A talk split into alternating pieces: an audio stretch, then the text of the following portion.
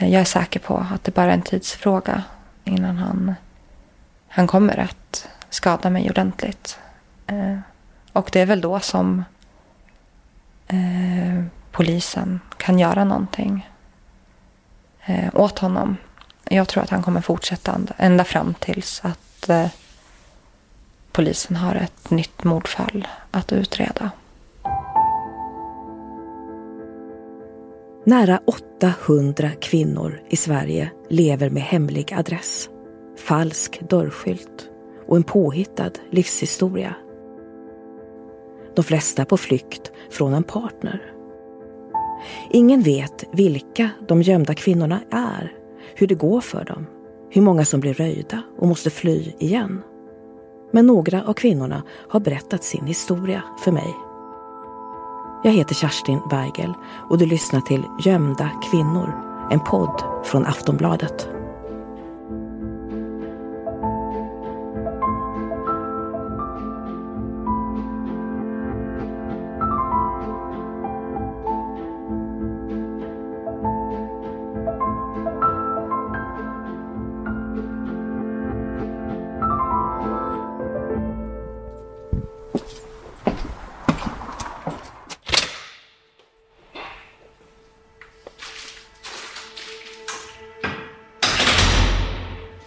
Jag ska träffa Sanna. Sanna har levt gömd mer än ett år. Hon har bjudit hem mig. Hon bor i ett lugnt område i en mindre stad.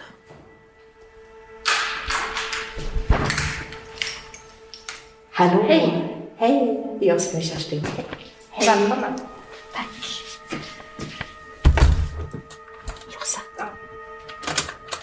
För över ett år sedan gjorde Sanna slut med en våldsam pojkvän. Då krävde myndigheterna att hon polisanmälde honom och flyttade till skyddat boende. Men det blev inte som hon tänkt sig. Det står ett annat namn på dörren än ditt riktiga, eller? Äh, ja, det är det. Ja. Jag ser inte mitt riktiga. Sanna skrev till mig om sin situation, att hon nu själv måste ansvara för sin säkerhet. Jag är här för att höra hennes berättelse. Ja, du får ursäkta röra. Vi håller ju på att flytta. Som sagt, det är lite kartonger här Ja, och var. Gud, herregud. Sanna har bott på flera skyddade boenden det senaste året. Snart ska hon ge sig av igen. Och aldrig... utsikt har det så att du kan se allt som händer. Ja, nej, men vi trivs jättebra. Så det är lite tråkigt att flytta. Men vi ska flytta till ett ungefär lika lugnt område. Vi sätter oss i vardagsrummet. Vi kan prata ostörda.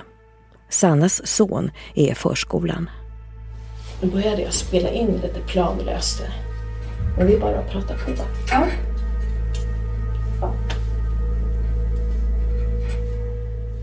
Den här historien börjar 2016 när Sanna förälskade sig i en man. Han var först intensivt uppvaktande. Men han krävde kontroll. Jag fick veta att jag vart, vart min plats var och att jag skulle lyssna på honom och gjorde jag inte som han sa så utövade han våld och hot. Framförallt mycket hot. Han var mycket svartsjuk. Och det kunde vara som jag hade, alltså jag har ju manliga kollegor på jobbet. Och ja, men jag tror att enligt honom så har jag legat med varenda en på mitt jobb. Fast vi är bara kollegor. Sanna säger att hon bröts ner. Jag var alltid äcklig och, och jag luktade illa och ingen ville vara med mig och jag var ingenting om jag inte var med honom. Och, ja, men, han tryckte ner mig väldigt djupt. Sanna blev gravid. Hon förstod då att hon måste göra slut med pojkvännen. Hennes barn skulle inte växa upp med våld. Men hon ville inte gå till polisen. Jag ville inte anmäla honom eh, just för att jag var rädd för honom. Alltså att han, han skulle hota mig mer. Eh, men framför allt för att han skulle döda mig. Eh, och så länge jag höll mig på en god fot med honom så tänkte jag att men det, det blir bra. Alltså det, men det, vi kan hålla det i schack liksom. Så att jag, från att vi gjorde slut i mars 2018 så, så hade vi ändå kontakt fast jag egentligen inte ville ha någon kontakt med honom. Och jag lät honom tro att, att vi kanske en dag kunde bli tillsammans. Men att det hängde lite på hans beteende. Att, att eh, jag satte, satte väl stopp att jag vill inte bli behandlad så här. Och så länge du beter dig så här så kan vi inte bo tillsammans. Men om du ändrar dig så kanske vi kan göra det. Fast innerst, men jag visste ju att jag inte ville vara tillsammans med honom. Men jag lät honom tro det. För att jag skulle få vara i fred. Sanna födde en son. Hon fortsatte hålla den förra pojkvännen på avstånd. Men våldet och hoten fortsatte. Och jag har massa sms. Eh, och det, det, är bara sådana. Har du sparat dem? Jag har smsen utskrivna här. På soffbordet ligger travar av dokument som Sanna sparat. Vi går igenom dem tillsammans. Um, här har jag ett exempel från i november. Där han skriver OK. Nu har jag tappat allt tålamod. Uh, du kom, då kommer jag inte att vara snäll. Var beredd. Här uppe skriver han, och det här är också, det är samma dag. Eh, då skriver han att du har råkat jätteilla ut nu. Vi kommer se. Eh, en gång i början på juni skriver han också eh, att eh, du vet att jag kan göra mycket. Var beredd bara. Eh, och då menar han indirekt att jag vet vad han är kapabel till att göra. Men han vill inte skriva det som ett hot eftersom han vet att det går att anmäla. Så han har skrivit många av de här smsen i för att jag ska förstå vad han menar. Men så att, ingen an... så att det inte indirekt, så att det inte blir ett hot. Eh, det han skrev i juni menar han med att du vet att jag kan döda dig. Och var beredd bara på när det kommer att hända. Eh, men hade han skrivit så, så vet han att han hade blivit dömd. När sonen var nyfödd utsatte den förre pojkvännen Sanna för allvarligt våld. Han hade ett glas som han krossade i min hand. Så att glaset skar in i min hand och jag fick sy eh, härifrån och ner hit över hela min tumme på insidan. Och eh, ja, min son var fyra veckor och jag kunde inte ta hand om honom. Så att min mamma fick vara föräldraledig med mitt barn medan jag var sjukskriven från föräldraledigheten. För att jag fick inte tillåtelse av läkaren att byta hans blöjor eller använda höger hand överhuvudtaget. Vad tänkte du då? Eh, jag tyckte att det var jättejobbigt för att det var ju mitt barn och jag ville ta hand om honom. Och jag är jättetacksam över att min mamma ställde upp och tog hand om honom. Men eh, jag kunde inte amma honom för jag kunde inte använda min hand. Jag hade så ont. Och eh, jag kunde inte lyfta honom utan han fick ligga i mitt knä. Eh, och min mamma tog allt ansvar för honom under de två veckorna. Sanna bröt helt med pojkvännen efter den händelsen. Hon bodde hos sin mamma ett tag. Hon ville fortfarande inte blanda in polisen. Och jag var ju framförallt rädd för vad som skulle hända om jag bestämde mig att polisanmäla honom. För jag visste att det skulle eskalera och att han skulle bli tokig. Jag är jättearg.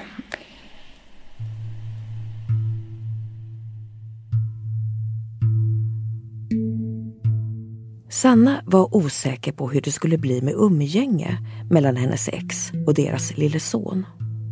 Hon ringde till familjerätten i kommunen och bad om råd. Hon berättade om våldet.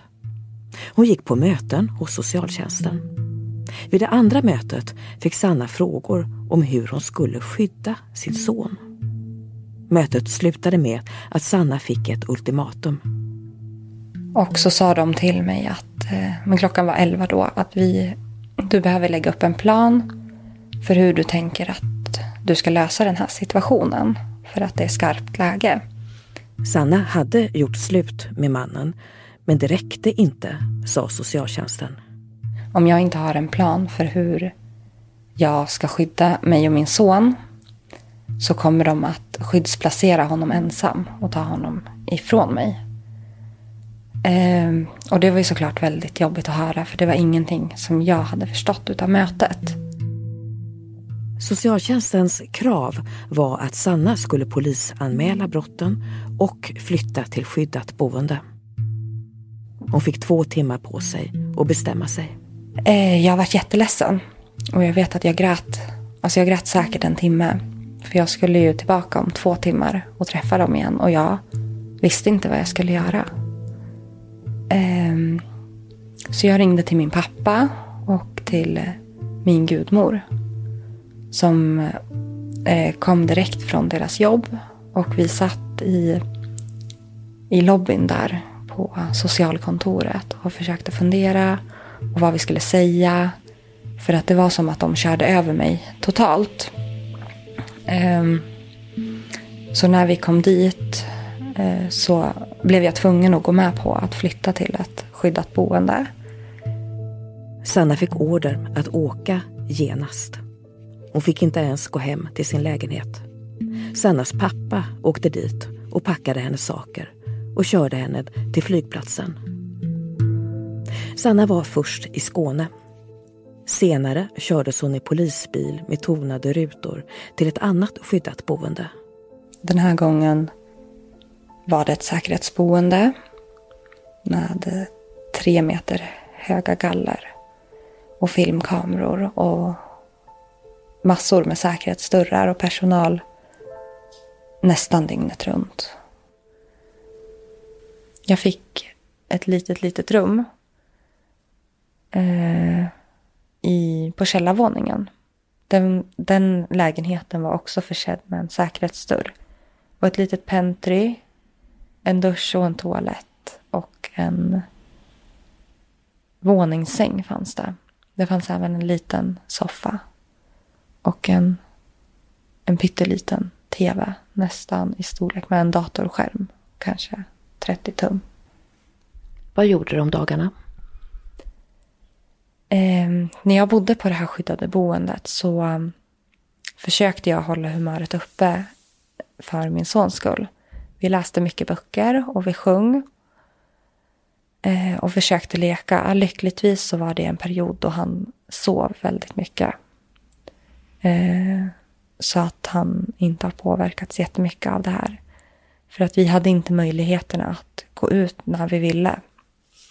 Vi fick i stort sett gå ut när vi ville, men varje gång vi skulle gå ut, om jag skulle ta en promenad, vart jag tvungen att be om lov och få göra det först så att min säkerhetsansvariga kunde bedöma om det var okej okay för mig. På boendet gjordes en bedömning av hur farlig Sannas situation var. Den visade att risken för dödligt våld var hög. Eh, de menar att jag behöver lämna mitt liv bakom mig.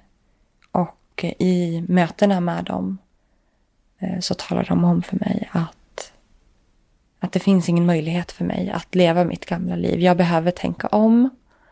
Och jag behöver tänka att jag aldrig kan återvända till min familj och mina vänner. Jag behöver bryta kontakten och bryta, bryta mitt gamla liv. Säg, ehm,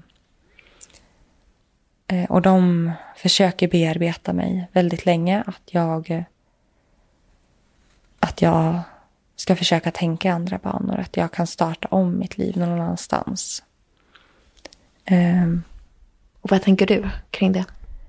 Jag tänker att uh, det är ingenting som jag vill göra. Utan i den här tuffa situationen och det tuffa året som vi har varit utsatta för.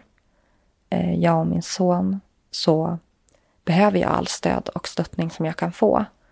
Och, ehm, och den stöttningen kan man bara få ifrån familj och sina vänner, de som bryr sig om en.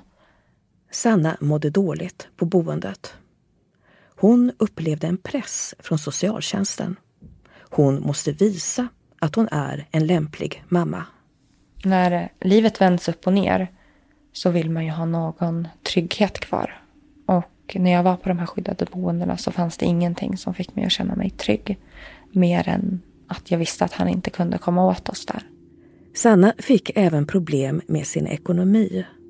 Hon hade många räkningar att betala för sin lägenhet, som stod tom. Alltså det gick, det gick inte runt. Eh, vi bodde där eh, och kunde inte få hjälp för att ja, men de ansåg att jag i sådana fall skulle säga upp min lägenhet så att jag kunde bo på det skyddade boendet. Ehm, eh, eftersom ja, men att pengarna inte räckte liksom till att, ha, att bo där borta. Sanna ville istället flytta till sina föräldrar så att hon kunde arbeta och tjäna pengar. Så jag lyckades i alla fall övertala dem för det här var både psykiskt påfrestande eh, eller det var bara psykiskt påfrestande att vara där borta. Eh, eftersom det inte var någonting jag ville och jag tyckte inte att jag behövde det riktigt på det sättet. Utan jag hade nog nöjt mig med att bo hos min mamma eller hos min pappa.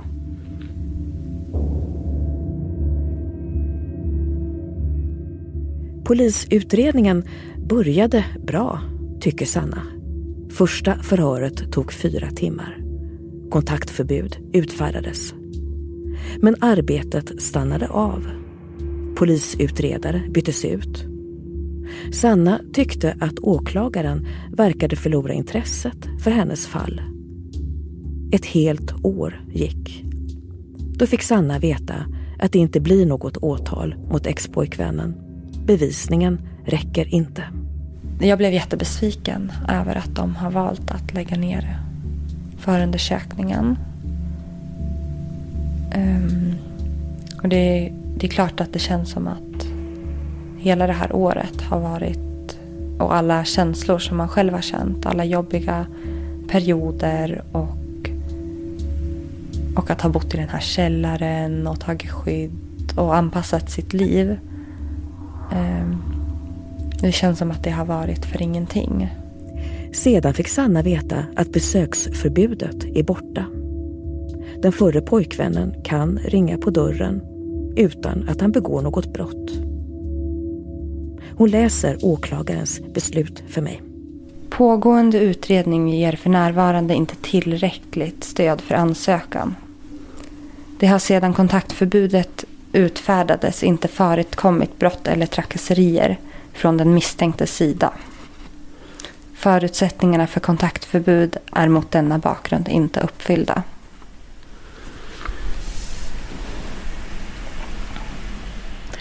Det de skriver här är att eftersom han inte har fortsatt att trakassera dig, fast han hade kontaktförbud, så behövs det inget kontaktförbud. Nej, och under tiden som vi har haft, eller jag har haft kontaktförbud, så um, har vi ju varit på det här skyddade boendet. Vi har inte varit hemma. Och det är en av anledningarna till att han inte har kunnat kontakta mig. Han har inte kunnat hitta dig? Nej, precis. Och därmed inte begå några brott mot dig? Nej.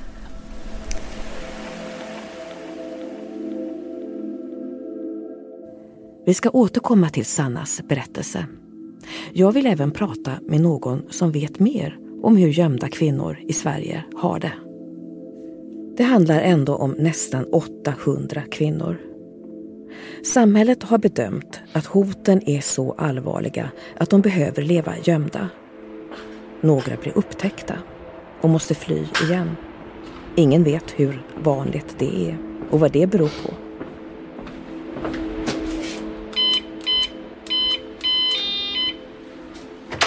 Jag har bokat ett möte med Tove Sander som är advokat. Hej. Är det bra? Ja, bra med mig. Ja, du... Vill du ha kaffe? Ja, tack. Gärna. Ja, det är Neskaffe. Går det bra? Neskaffe går jättebra. Hon har lång erfarenhet av kvinnor som lever gömda. Jag träffar ju i stort sett dagligen våldsutsatta kvinnor som lever med alla de problem det innebär att lämna en våldsam relation.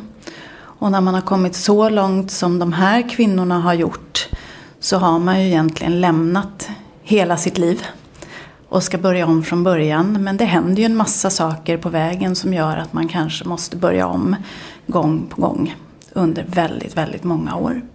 Vad är det svåraste med det, att börja om?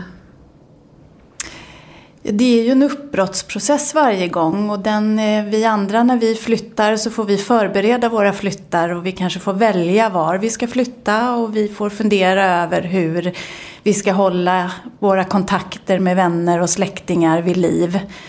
Från en annan ort eller ett annat land kanske. Eh, de här kvinnorna de får ingen förberedelsetid. De får packa med sig det mest nödvändiga och ge sig av väldigt, väldigt snabbt. De kanske inte får välja var de ska ge sig av och det kan ju göra att det blir svårt att etablera sig på den nya orten. Det kan vara svårt att hitta arbete eller försörjning. Eh, och det ger ju, det bryter ju många gånger möjligheten att ha kontakt med gamla vänner och även med familj och släktingar. Så det är viktigt då att, ehm, att de inte blir röjda? Det är ju oerhört viktigt att de inte blir röjda för att varje gång man blir röjd så innebär ju det ett nytt uppbrott. Eller att man blir utsatt för väldigt stor risk. Det händer ju faktiskt att kvinnor säger att jag orkar inte mer, jag orkar inte flytta fler gånger. Med risk för att de då faktiskt blir hittade och skadade eller i värsta fall dödade. Vad är den vanligaste anledningen till att de blir röjda och måste flytta igen? Idag skulle jag nog nästan säga att det är sociala medier. Eh, att det är någon som lite obetanksamt lägger ut något på ett socialt medie där man kan lista ut var den här personen befinner sig.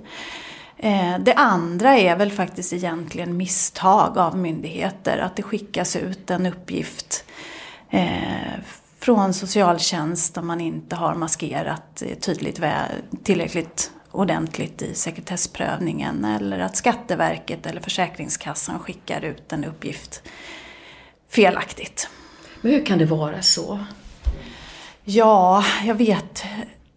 Jag tänker att det är den mänskliga faktorn. Eh, men kontrollsystemen borde ju vara så pass goda för den här gruppen att den mänskliga faktorn inte skulle kunna vara avgörande.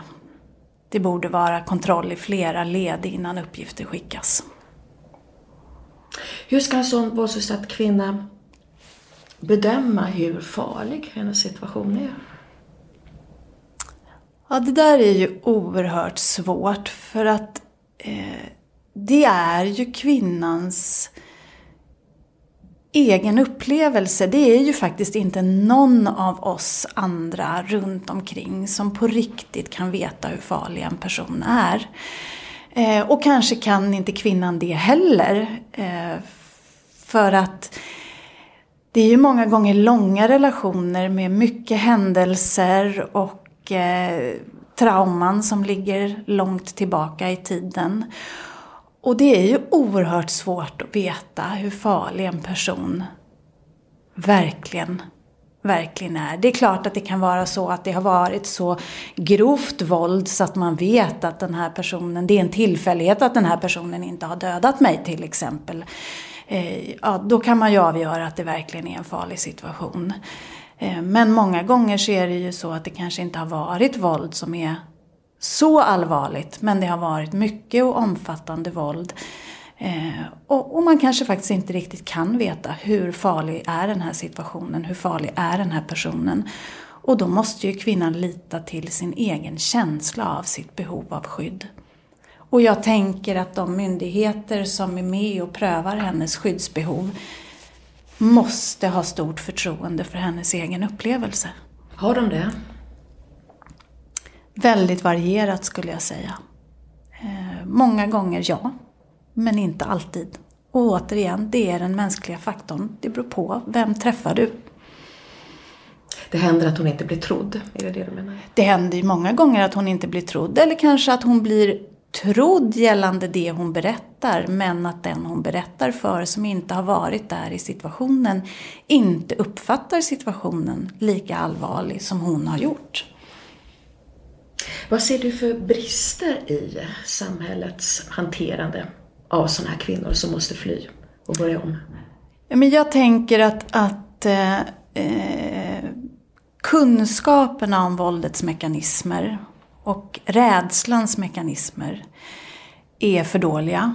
Eh, det blir väldigt avgörande vilken socialsekreterare träffar du? Eh, vad har den personen för kompetens? Eh, vilken åklagare ser du som ska pröva din ansökan om kontaktförbud? Vilken domare är det som ska avgöra om din ex-partner ska ha rätt att träffa era barn? Eh, och att det blir väldigt personberoende och då är det så oerhört viktigt att de som finns runt de här kvinnorna är välutbildade och vet vad det är för mekanismer som styr.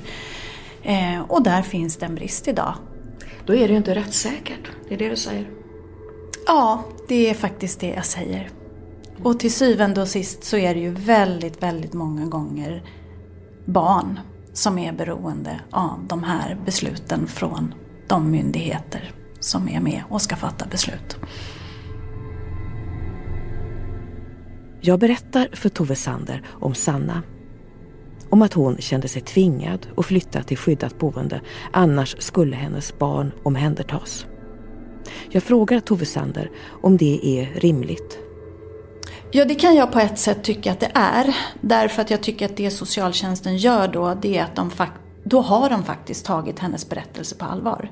De har tagit den på så mycket allvar så att de säger att vi kan inte utsätta ditt barn för att återvända till den här miljön där du och kanske även barnet är våldsutsatta. Eh, därför att det är skadligt för ditt barn. Och det kan jag tänka att det är ett samhällsansvar att ta. Att barnets skydd faktiskt går före mammans önskemål. Vad jag däremot har lite svårt när du eh, säger det är ju att man ställer krav på att hon ska polisanmäla. Därför att det tycker jag måste vara hennes egen bedömning om hon vill polisanmäla. Om socialtjänsten däremot tycker att det här är brott som absolut måste polisanmälas och det ligger inom deras utrymme att kunna göra det, ja då får de göra en polisanmälan. De kan inte kräva av en annan människa att hon ska polisanmäla för att de ska ge henne det skydd som hon behöver.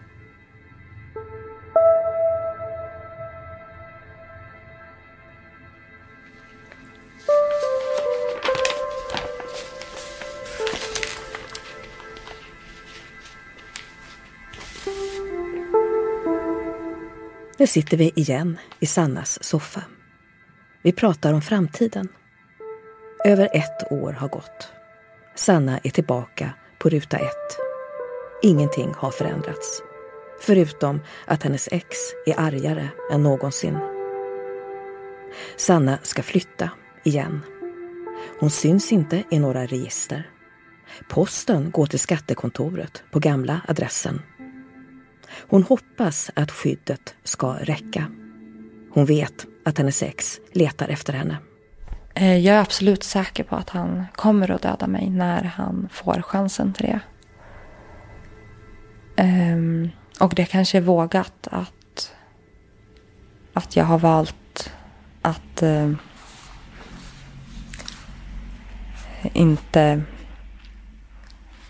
inte bo kvar på de här skyddade boendena som jag har blivit erbjuden.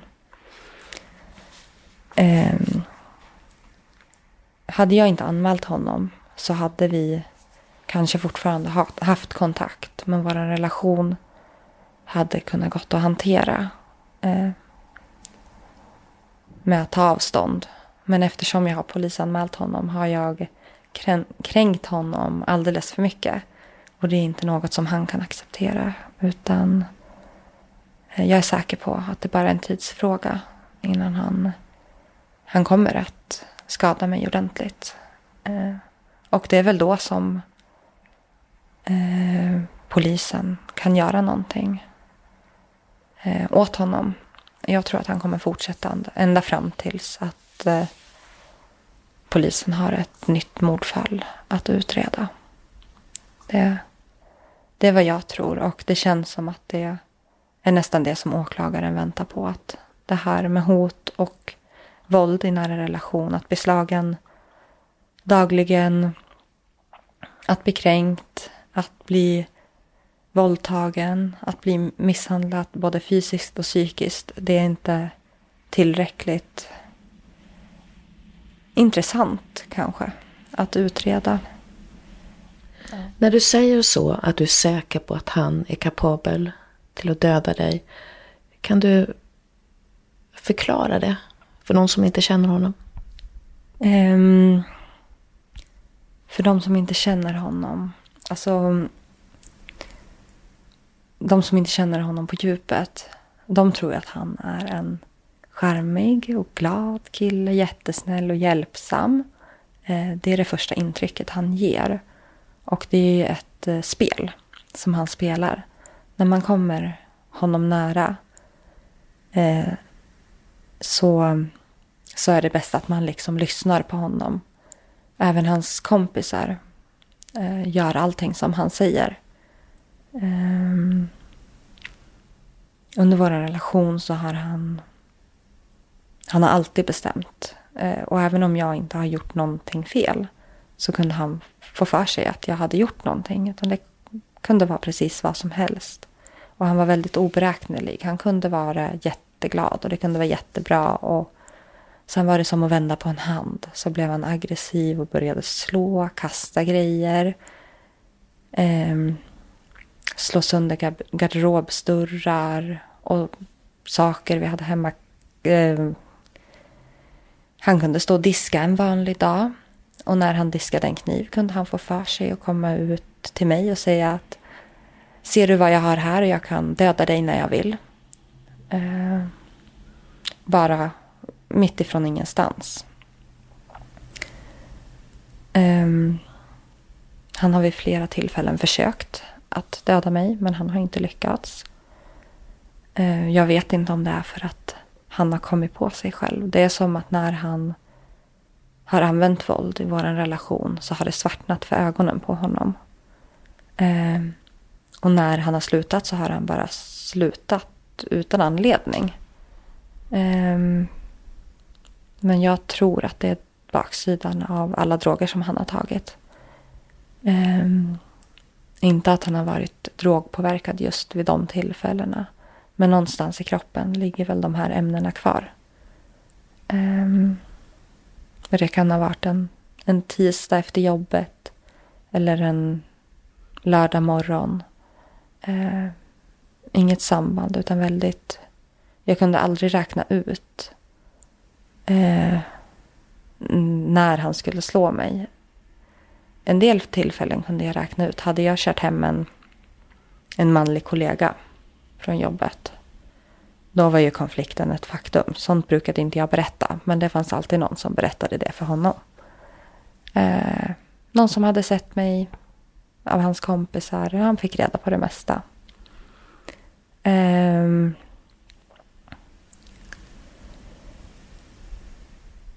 När du har berättat det, att du är säker på att han kommer att försöka döda mig, blir du trodd? Eh, jag känner inte att eh, jag blir trodd av, i alla fall inte av polisen.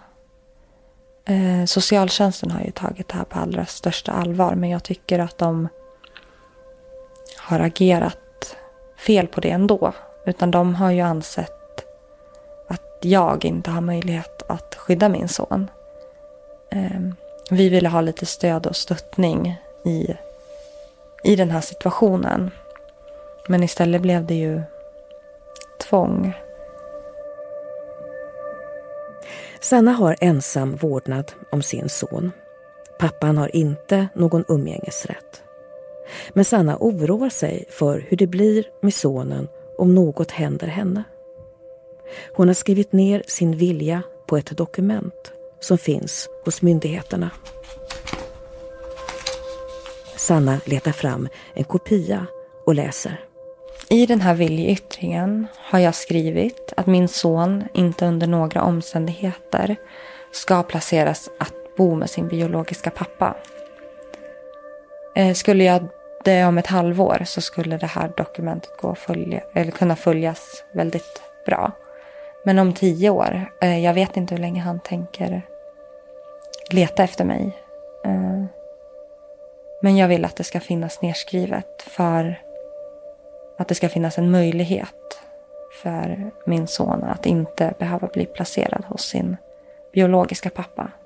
Som jag anser inte är en lämplig plats för ett barn.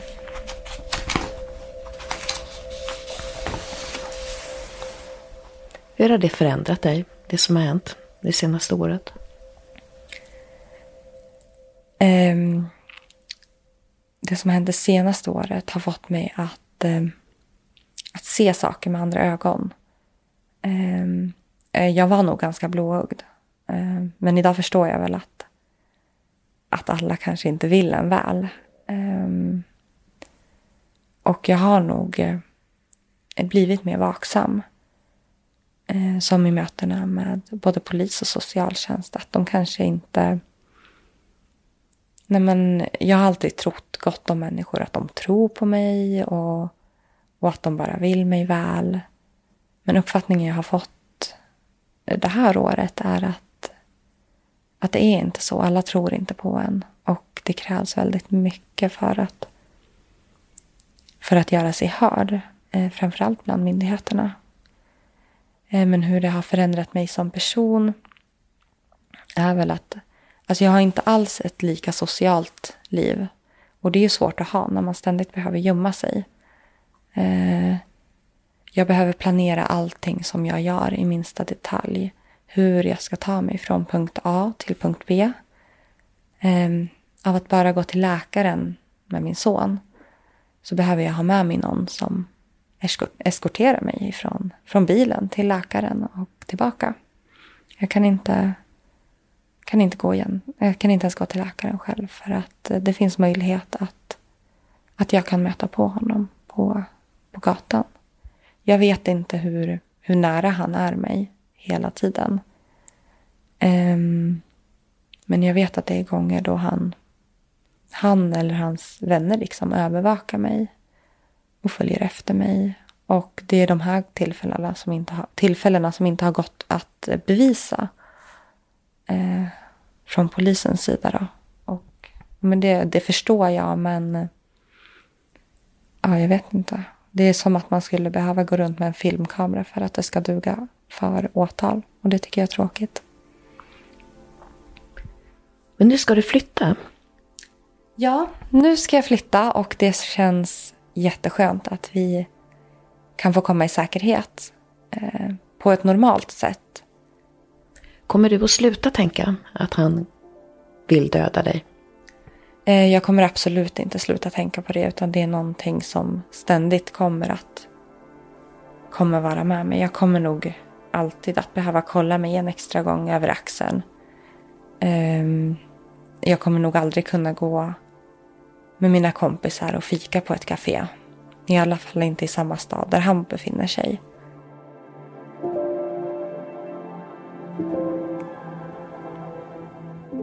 Vi har pratat flera timmar.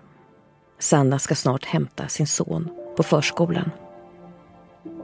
Det finns en möjlighet att Sannas ex ändå blir åtalad för våldet och hoten mot henne. Sanna har överklagat åklagarens beslut att lägga ner. Hon lovar att höra av sig när beslutet kommer.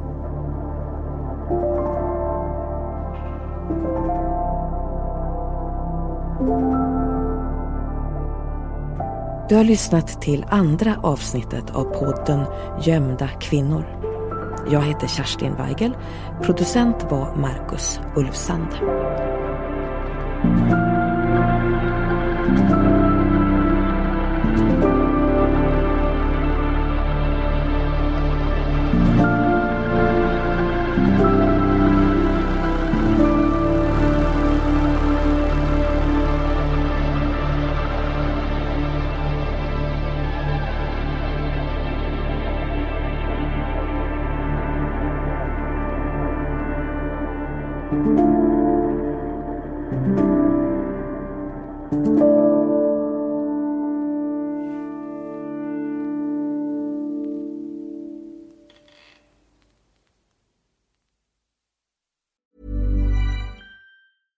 Tired of ads barging into your favorite news podcasts? Good news. Ad-free listening is available on Amazon Music for all the music plus top podcasts included with your Prime membership. Stay up to date on everything newsworthy by downloading the Amazon Music app for free or go to amazon.com slash news ad free. That's amazon.com slash news ad free to catch up on the latest episodes without the ads.